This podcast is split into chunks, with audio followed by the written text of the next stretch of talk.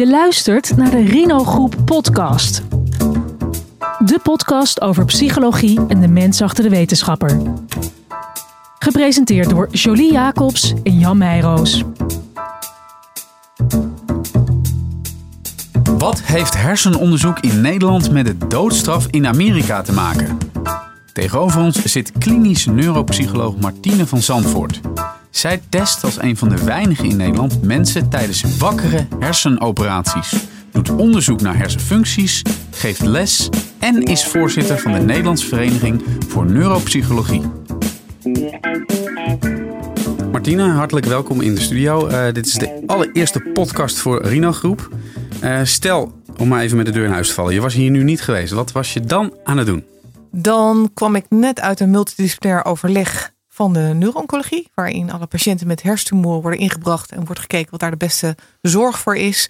En dan was ik nu doorgegaan naar de universiteit om daar met een student te spreken over haar afstudeeronderzoek. Oké, maar dat, uh, dat heb je nu allemaal speciaal voor deze podcast verplaatst. Dus dat is hartstikke mooi. We gaan het straks nog hebben over die, die wakker hersenoperaties. Uh, want ik krijg daar meteen uh, Hannibal Lecter-achtige beelden bij. Voor mensen die die film nog in, in het geheugen hebben. Maar eerst, um, tijdens de voorbereiding van deze podcast... kwamen we, Jolie en ik al snel tot eigenlijk de term psychologie. En het verschil tussen psychologie en klinische psychologie... en dan ook nog neuropsychologie. Nou, de meeste luisteraars zullen het misschien wel weten... maar toch nog even voor de record, wat is nou het verschil? Wat het lastig is bij psychologie, dat wij grossieren in verschillende termen. Uh, psychologie is niet genoeg. Dan heb je weer klinische psychologie, klinische neuropsychologie. Klinische neuropsychologie, wat mijn uh, vakgebied is, dat is een specialisme van de psychologie. Je studeert psychologie, dan ben je psycholoog. Iedereen is psycholoog, is geen beschermde titel. Net als dat iedereen neuropsycholoog is, is ook geen beschermde titel. Dan heb je je master afgerond op het moment dat je geregistreerd wil raken en in de klinische zorg wil gaan werken, je BIG-registratie wil krijgen, dan heb je allereerst de gezondheidszorgpsychologie. Dat verkrijg je door de GZ-opleiding te volgen. En daarna kun je kiezen om specialist te worden. Op gelijke wijze zoals mensen veel bekender zijn met medisch specialisten. Zoals een neuroloog of een psychiater. En dan kun je kiezen of om klinisch psycholoog te worden of om klinisch neuropsycholoog te worden. Een klinisch neuropsycholoog houdt zich heel specifiek bezig met de weerslag van de hersenen op je gedrag. Dus hoe je hersenen je gedrag en alles wat je doet continu beïnvloeden. Waarom heb jij eigenlijk voor die uh, neuropsychologie gekozen? Dat is een hele goede vraag. Ik ben nooit wakker geworden met het idee, ik wil klinisch neuropsycholoog worden. Dat is nooit een, een ambitie geweest die ik op die manier heb gehad. Het is toch ook een ambitie die langzaam gegroeid is. Ik wilde ooit uh, dierenarts worden. Toen bleek dat ik voor alles allergisch was. Dus dat was niet een hele goede, uh, goede insteek. Toen vond ik de mensen die met die beest kwamen heel interessant. En in mijn tijd, alweer heel erg lang geleden, moest een goede meid op de toekomst zijn voorbereid. Kies exact. Die hele campagne heb ik meegepakt. En toen kwam ik ook op het pad van de massacommunicatie. Hoe je een hele menigte kon beïnvloeden via hun zintuigelijke waarneming. En dat vond ik heel erg interessant. En, wat, wat, maakt het voor jou nou de moeite waard? Waarom ben je, heb jij nou zoiets van, yes, dit is gewoon mijn, mijn ding. Dit, dit heb ik gekozen. Dit is op mijn pad gekomen. Ik heb het helemaal doorlopen. En nu zit ik gewoon helemaal goed. Nou, ik vind het gedrag van mensen ongelooflijk interessant. Vooral als er iets in je hersenen gebeurt, een, een ziekte, een pathologie. Dat er dan iets in verandert. Dat jij als persoon niet verandert, maar dat je gedrag wel verandert. En dat je daar eigenlijk niks aan kunt doen. En hoe dat gaat, hoe wij de wereld die buiten ons plaatsvindt, hoe, we die, hoe wij die tot ons nemen en ons gedrag daarop leren afstemmen. Ja, dat vind ik machtig interessant. En weten we dan alles al van de hersenen en, en alle functies? Of is er nog heel veel eigenlijk onontdekt gebied? Dat laatste. Dat laatste. Ja. We weten natuurlijk een hele hoop, maar we weten ook nog een hele hoop niet. En we snappen ook nog een hele hoop niet. En dat vind ik het mooie van met patiënten werken. Je denkt, als je naar model kijkt, naar theorie kijkt, dan denk je, nou, dit snap ik. Als we nou hierop zouden duwen in de hersenen, dan moet dat resulteren in dat en dat gedrag. En dan doe je dat, maar dan doet die patiënt iets heel anders. Of een patiënt laat iets zien waarvan je denkt, ja, maar dit, dit kan niet. Dit, dit klopt niet met het tekstboek. Nou, kun je een voorbeeld geven? Um, ja, wat wij in Utrecht als nog een van de weinige centra's doen, doen wij WADA-testen. Dat wil zeggen dat je bij patiënten die geopereerd moeten worden omdat ze epilepsie hebben, dan moet die epileptische haard die moet eruit gehaald worden. Uh, dan moet je wel heel zeker weten dat je daar niet schade mee uh, uitlokt die je niet meer kan herstellen. Dus wat je dan doet als voorbereiding in een aantal van de patiënten, wanneer het echt lastig is, dat je een hersenhelft uitschakelt tijdelijk. En dan kijkt wat voor gevolgen heeft dat.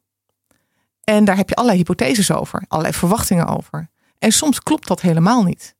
En 9 van de 10 keer ben ik verbaasd. Dan denk ik, hé, hoe kan dat nou? Hij praat gewoon door. Of hé, hij stond met praten. Dat kan helemaal niet. Dat klopt helemaal niet met wat ik had gedacht. Ja, want hoe, hoe werkt dat dan? Hoe test je dit? Dat wordt een heel medisch verhaal. Uh, je krijgt een hele zware slaapmiddel ingebracht via je lies, via een van de hoofdslagaders die je hersenen van bloed voorzien. Dan wordt heel snel, als een soort schakelaar die je aan en uitzet, worden de hersenen in slaap gebracht. Eén helft. En na een minuut, twee minuten, afhankelijk van welke stof je geeft, word je ook klik weer wakker. En dan ben je gedurende de tijd dat je ene hersenhelft verdoofd is, is je andere hersenhelft wakker. En functioneer je dus alleen maar op basis van die ene helft. Wat merkt die patiënt daar fysiek dan van?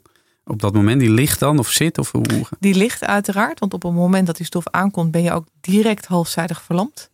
En ehm, zie je de helft van de wereld zie je niet meer. Krijg je een, half, een hemianopsie, zoals we dat noemen, dat je gezichtsveldverlies krijgt. Als het in de taalbepalende hemisfeer is, de linker hersenhelft, dan kun je niet meer praten. Ehm, dus die patiënt merkt daar een hele hoop van.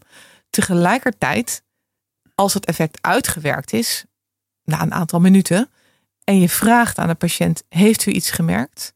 Dan zeggen de meeste mensen ja. Maar er is ook een deel die zegt: Nee, hoezo? Was er iets dan?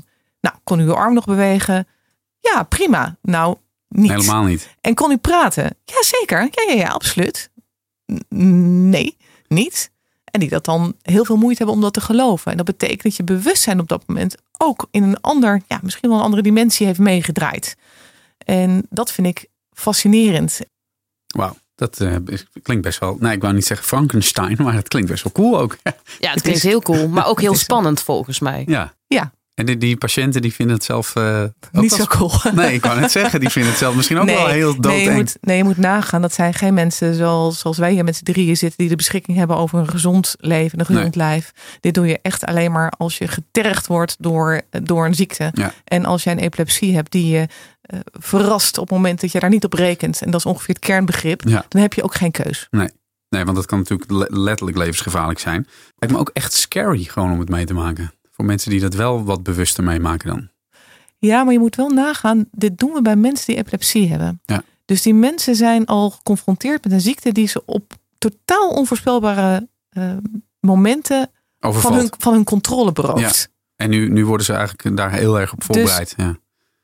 Jij zou daar, zoals wij hier zitten, veel meer van ontdaan zijn dan iemand met epilepsie. Waarmee ik niet zeg dat het voor hun geen big deal is hoor, laat dat gezegd zijn. Ja. Maar zij zijn al veel vaker gewend dat, dat zij geen controle hebben over hun leven. Dus is er dan ook geen paniekreactie? Zelden. Hm.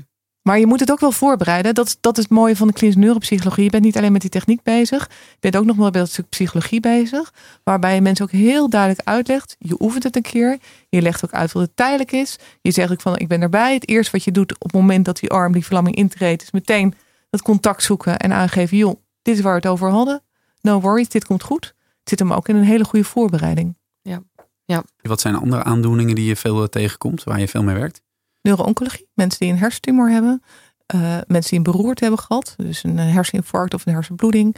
Eigenlijk alle ziektes die de hersenen kunnen, kunnen aanraken. Daar hou ik me mee bezig. Mijn specialisme op dit moment in de epilepsie en de neuro-oncologie. En eh, zie, we, zie je daar dan nog eh, bepaalde verschuivingen in? Je, Zeker. Ja, want dingen die vroeger, niet, die vroeger echt een beetje uitzonderlijk waren, die, die zie je tegenwoordig zich wat meer manifesteren. En ook aandoeningen die la- langzaam gewoon uit beeld verdwijnen. Nou, die uit beeld verdwijnen wat minder. Die erbij komen, zeker. Als je kijkt naar neuro-oncologie, naar hersentumoren. Nou, kanker, daar is iedereen wel mee bekend. Iedereen kent wel iemand met kanker. Met dat de kankerzorg en de medicatie steeds beter wordt, wordt kanker langzaam eh, ja, een beetje meer chronische aandoening. Waardoor die ook de kans krijgt om meer uit te breiden, om zich heen te gaan grijpen. Waardoor hersentumoren veel vaker voor gaan komen. Als jij een andere vorm van kanker hebt en dat, dat, dat geneest voor een tijd, dan blijf je langer met de ziekte rondlopen, waardoor de kans op uitzaaiingen, metastase zoals wij dat noemen in de hersenen, ook toeneemt. Hmm. We, we curen het, het ene beter aan de andere kant, maar er komt iets anders weer eh, voor in de plaats. Ja. Tijdens de eh, intro eh, noemden we al even eh, wat je allemaal doet. Het zijn behoorlijk wat functies. Maar iedereen die hoorde natuurlijk wakker hersenoperaties Ja. testen. Vertel me er alles over. Nou, dat is inderdaad altijd wat het hem doet. Dat vinden mensen ongelooflijk fascinerend. Dat is het natuurlijk ook. Het is een soort lakmoesproef dat je heel goed moet weten van... hé, hey, zie je een gedragsverandering of niet? En je doet het natuurlijk niet voor de lol. Je doet het omdat je bij mensen die uh, een, een, ziekteproces, vaak een hersentumor in een hersen hebben, dat moet worden uitgehaald. Uh, maar dat kan niet straffeloos. Je kunt niet zomaar uh, hersenweefsel eruit halen en verwachten dat iemand daar geen hinder van ondervindt. En vooral als functionele gebieden zit, je taal, je geheugen, hoe je naar de wereld kijkt, hoe je de wereld waarneemt, daar kun je heel weinig van missen. En dan ga je iemand wakker houden, want de hersenen, daar zitten geen pijnreceptoren in. Dus daar kan je in principe in gras duinen zonder dat dat pijn doet. Anders zou je dat natuurlijk niet kunnen doen. Nee. Dus het gaat onder plaatselijke verdoving. En dan kun je in de hersenen kun je van alles doen. Maar is Gedrag uitlokken. Uh, even voor mijn beeldvorming. Je hebt wel eens van die films en dan zie je dat iemand helemaal kaal wordt geschoren. Nee, dat doen we al lang niet meer. En dan, en dan wordt, er, wordt het letterlijk gelicht Ja. of het wordt een deel Ja. gelicht. Hoe, Nou, het, het, het kaalscheren doen ze in ieder geval in Utrecht niet. Je krijgt uiteraard wel een, een, stukje kaal waar de incisie, waar de snee in wordt worden gemaakt. En eh, daarna wordt dat heel keurig, heel netjes gedaan. Met zo'n klein mogelijk eh, gaatje in de schedel. Wordt een stuk van de schedel uitgehaald. En dan kom je eh, na wat hersenverlies bij de hersenen uit. En daar kun je dan kleine stroompjes doorheen laten doen. Dat En- doet de neurochirurg. en, en jij bent op dat moment dan bij zo'n operatie. Ik denk dat het best, best spannend en iedereen staat daar dan omheen. En dan eh, test jij op dat moment iemand. En Ja. die, daar kun je ook gewoon mee communiceren. Zeker, ja. Ze zijn, eh, ze zijn wakker. Ze zijn in Utrecht ook wakker terwijl het geopend wordt. En wakker tijdens alles, tijdens de hele procedure. Eh, waar ik het net over had, een goede voorbereiding is daar heel belangrijk bij. Dat je mensen ook echt wel eh, goed voorbereidt op, op wat ze staat te wachten. Dat is per persoon anders. Dus dan moet je ja, met de psychologische kennis die je hebt afstemmen op wie daar ligt. En, en, en, maar en- worden ze vastgebonden? Of, want De patiënt? nou ja, als je een millimeter de- verschuift, nee, heeft nee, dat effect? Nee, de patiënt, het hoofd van de patiënt zit echt in een bankschroef. ja, ik, ik heb daar ook letterlijk, filmpjes vast, van gezien. letterlijk Ja. vastgeschroefd. Ja. En eh, eh, dat klinkt heel erg beangstigend, maar tegelijkertijd kun je de rest van je lijf wel bewegen. En wat bijvoorbeeld heel goed werkt, is een kussentje onder, het, onder de hals en onder het hoofd neerleggen, puur psychisch. Mhm. Dan voel je een aanraking en dan denk je dat je op een kussen ligt. Dat is natuurlijk niet zo, want je hangt in een bankschroef. Maar dat werkt. En dat vind ik bijvoorbeeld weer fascinerend. Dat als je alleen maar een kussen tegen je wang aanvoelt, dat dat voldoende is om de beleving te hebben dat je op een kussen ligt. En dat je daarmee vergeet, letterlijk vergeet dat je daarin hangt. Dat, en dat, je vast- is gelicht. Ja, maar jij weet nu ook niet wat aan de achterkant van je hoofd gebeurt. Nee, nee. Maar nog even terug, want ik vind het echt fascinerend. Je zegt, je bent ook een van de weinigen die deze test doet, terwijl dat dus gebeurt. Waarom ben je eigenlijk een van de weinigen? Is het iets heel, heel specialistisch? Zeker, het is iets heel specialistisch. Het is echt iets waarvoor je de, en de kennis van de hersenen nodig hebt en van gedrag nodig hebt. En je moet ook leuk vinden om in de heat of the moment een beslissing te kunnen nemen van ja, dat kan wel of dat kan niet. Je moet niet zeggen, nou, daar wil ik nog eens heel even over nadenken aan de binnenkant van mijn oogjes. Want ja, weet je, Ja. dat gaat niet. Er ligt iemand wakker daarbij. Ja. Het is zo dat natuurlijk de neurochirurg een hele de cruciale rol hier heeft. Ja. Die doet die operatie. Dat kan ook niet iedere neurochirurg. Het is ook echt niet bij iedere patiënt nodig. Dus je hebt ook een hele specifieke patiëntenpopulatie die voor zo'n ingreep op de rol staat, die dat heeft. En dan zijn er ook maar een beperkt aantal neurochirurgen die dat doen. En eh, je moet het echt een aantal keren per jaar doen. Wil je daar ook de routine in, Ja, ik wou net zeggen, hebben? want hoe, hoe vaak doe je zoiets per jaar? Nou, ik doe het een eh, keer of nou 20, 30 per jaar. 30. Dus, oh, dat is nog best veel, vind Ja. ik eigenlijk. En En- is het dan elke keer weer spannend? Is dat, is dat iets? Ik krijg er echt de rillingen van over mijn rug. Als ik hier aan denk dat ik iemands hoofd openmaak en dan daar stroompjes door laat lopen. Nou, dat, Nou, het, het, Vind ik geen fijn openmaken, het openmaken doet gelukkig de neurochirurg. Dat is voor Ja. iedereen beter. Eh, eh, natuurlijk heb je een gezonde spanning. Mm. Eh, maar geen angstige spanning. welke case is jou het best bijgebleven? Ja, ik, ik, ik had al eigenlijk verwacht dat jullie zoiets zouden vragen. En dan denk je daar ook over na. En dan denk ik, dat kan ik zo niet zeggen. Want iedere patiënt die ik zie, heeft voor mij iets unieks. En ik kan niet zeggen, ja, dat was echt een gamechanger. Of dat heeft echt mijn blik op de Mhm. wereld veranderd. Want het klinkt heel aanstellerig, maar het is oprecht zo dat iedere patiënt die waar ik mee mag behandelen, waar ik bij betrokken ben, die verandert iets in mij. Die, daar leer ik iets van. Eh, variërend van een heel hoog opgeleid iemand die eh, eh, een kleuragnosie had en eh, wat daar allemaal bij komt kijken, tot een, een, een zwak begaafd iemand die op een gegeven moment bij het volgende consult zegt: Ik heb een kip naar jou vernoemd. Hm. Waardoor je enorm ontroerd Prachtig. bent. Ja, ik wou net zeggen. En die me dan ook weer van alles heeft geleerd. Dus nee, ik kan niet zeggen die patiënt of dat. dat heeft mij veranderd. Nee, het is, het is een kraaltje aan een ketting. Ik kan me ook wel eens voorstellen dat er gewoon ook wel eens dingen niet goed gaan. Komt dat vaak voor? Valt dat mee? Of hoe ga je daarmee om? Nou, het zou heel arrogant zijn om te zeggen dat komt bij mij ons nooit voor. Het komt bij ons natuurlijk. Een belangrijk deel van klinisch neuropsycholoog is diagnostiek en behandeling. Als je kijkt hè, op het onderwerp van daarnet, op die wakkere hersenoperaties of echt die hele cruciale dingen, dan kan ik me één kaas herinneren waarbij we dachten van nou volgens mij kan dit geen kwaad. Die verandering die ik nu zie, dat is een verandering, nou dat is 1 millimeter die iemand vertekend ziet. 1 millimeter vertekend zien, nou why bother? Ja. Vervolgens bleek dat heel verstrekkende gevolgen hebben die we niet konden overzien en die we op voorhand ook niet hadden kunnen weten. Ja, daar lig je wel even wakker van. Ja. En, dan wat voor gevolgen? Nou, dat was in dit geval bij een, eh, bij een jonge vrouw die eh, eh, de wereld, hoe zeg ik dat nou eenvoudig, ehm, net een soort afwijking zag van 3, 4 millimeter naar rechts. Dus als je, een, als je een middelpunt van een lijn pakt, dan was het middelpunt van haar 3, 4 millimeter verschoven. Dan denk je, nou ja, weet je, dat, dat, dat Maakt daar- het uit. maakt het uit. Ja. Daar kun je wel voor Ja. compenseren. Maar daardoor verschoof voor haar gezichten een beetje en gezichtsuitdrukkingen. En wij zijn zo experts om naar gezichten te kijken, dat wij een verschil van 3, 4 millimeter in een gezicht is heel veel. Daarvoor werden voor haar gezichten heel beangstigend, echt grotesk en angstig.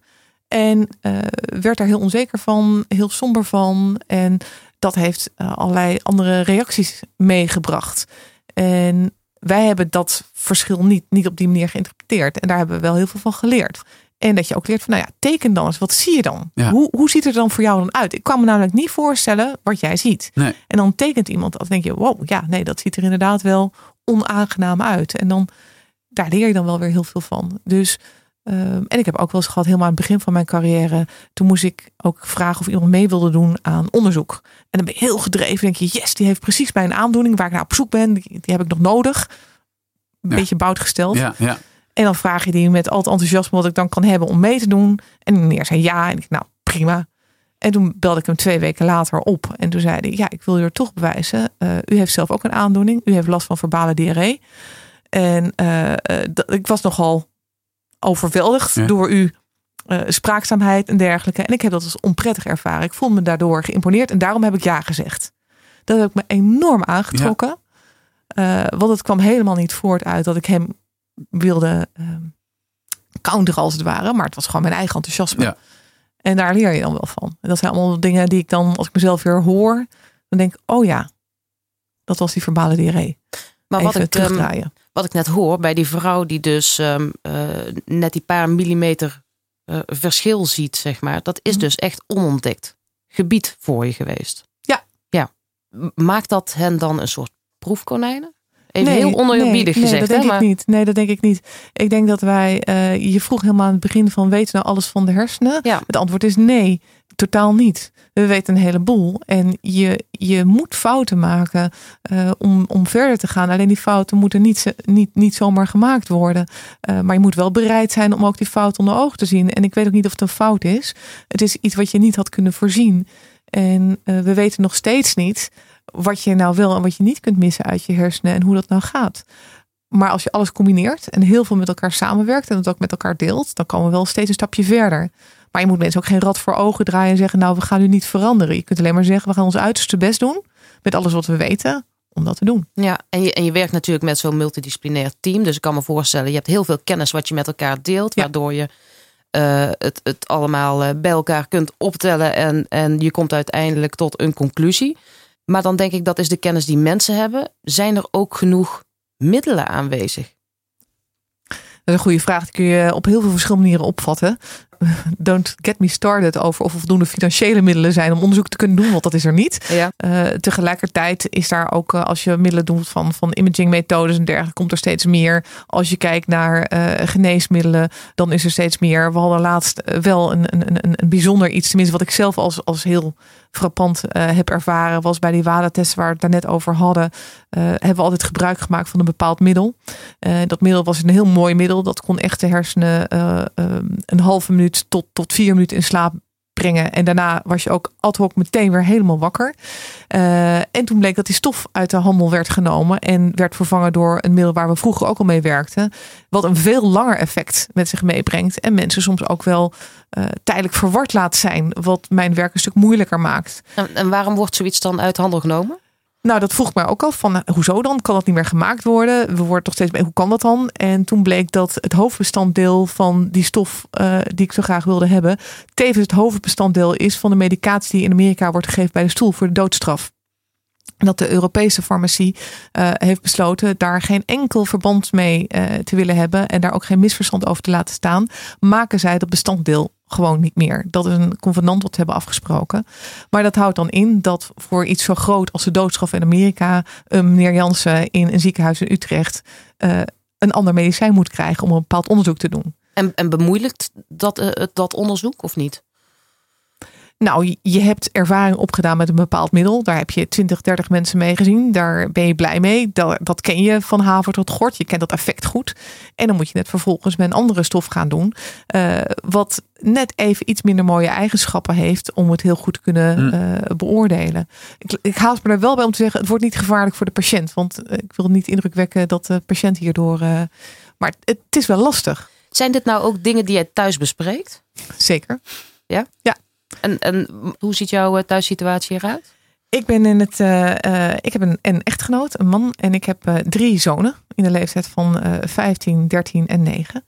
En die weten zo langzamerhand inderdaad wel wat ik doe. En dit soort dingen als dat met die doodstraf, dat vind ik wel zo groot. En daar ben ik dan zelf zoveel onder de indruk dat ik denk van, hè, ik had nooit gedacht dat ik in mijn dagelijks leven last zou hebben nee. van zoiets als de dood. En dan neem ik dat wel mee naar huis.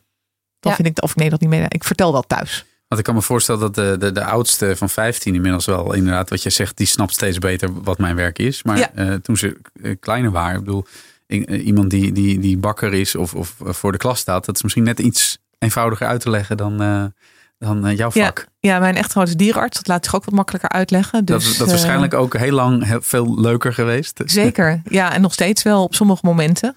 Ja, mijn man die, die mag af en toe een leeuw opereren of een beer opereren. En dat, dat doet het op het schoolplein echt een heel stuk beter. Ja.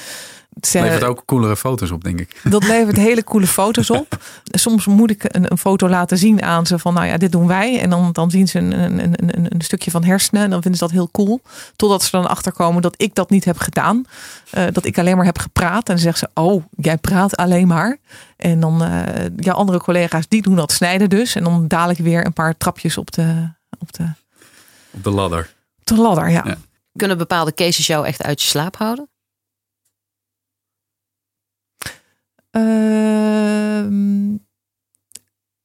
Artikelen kunnen mij uit mijn slaap houden.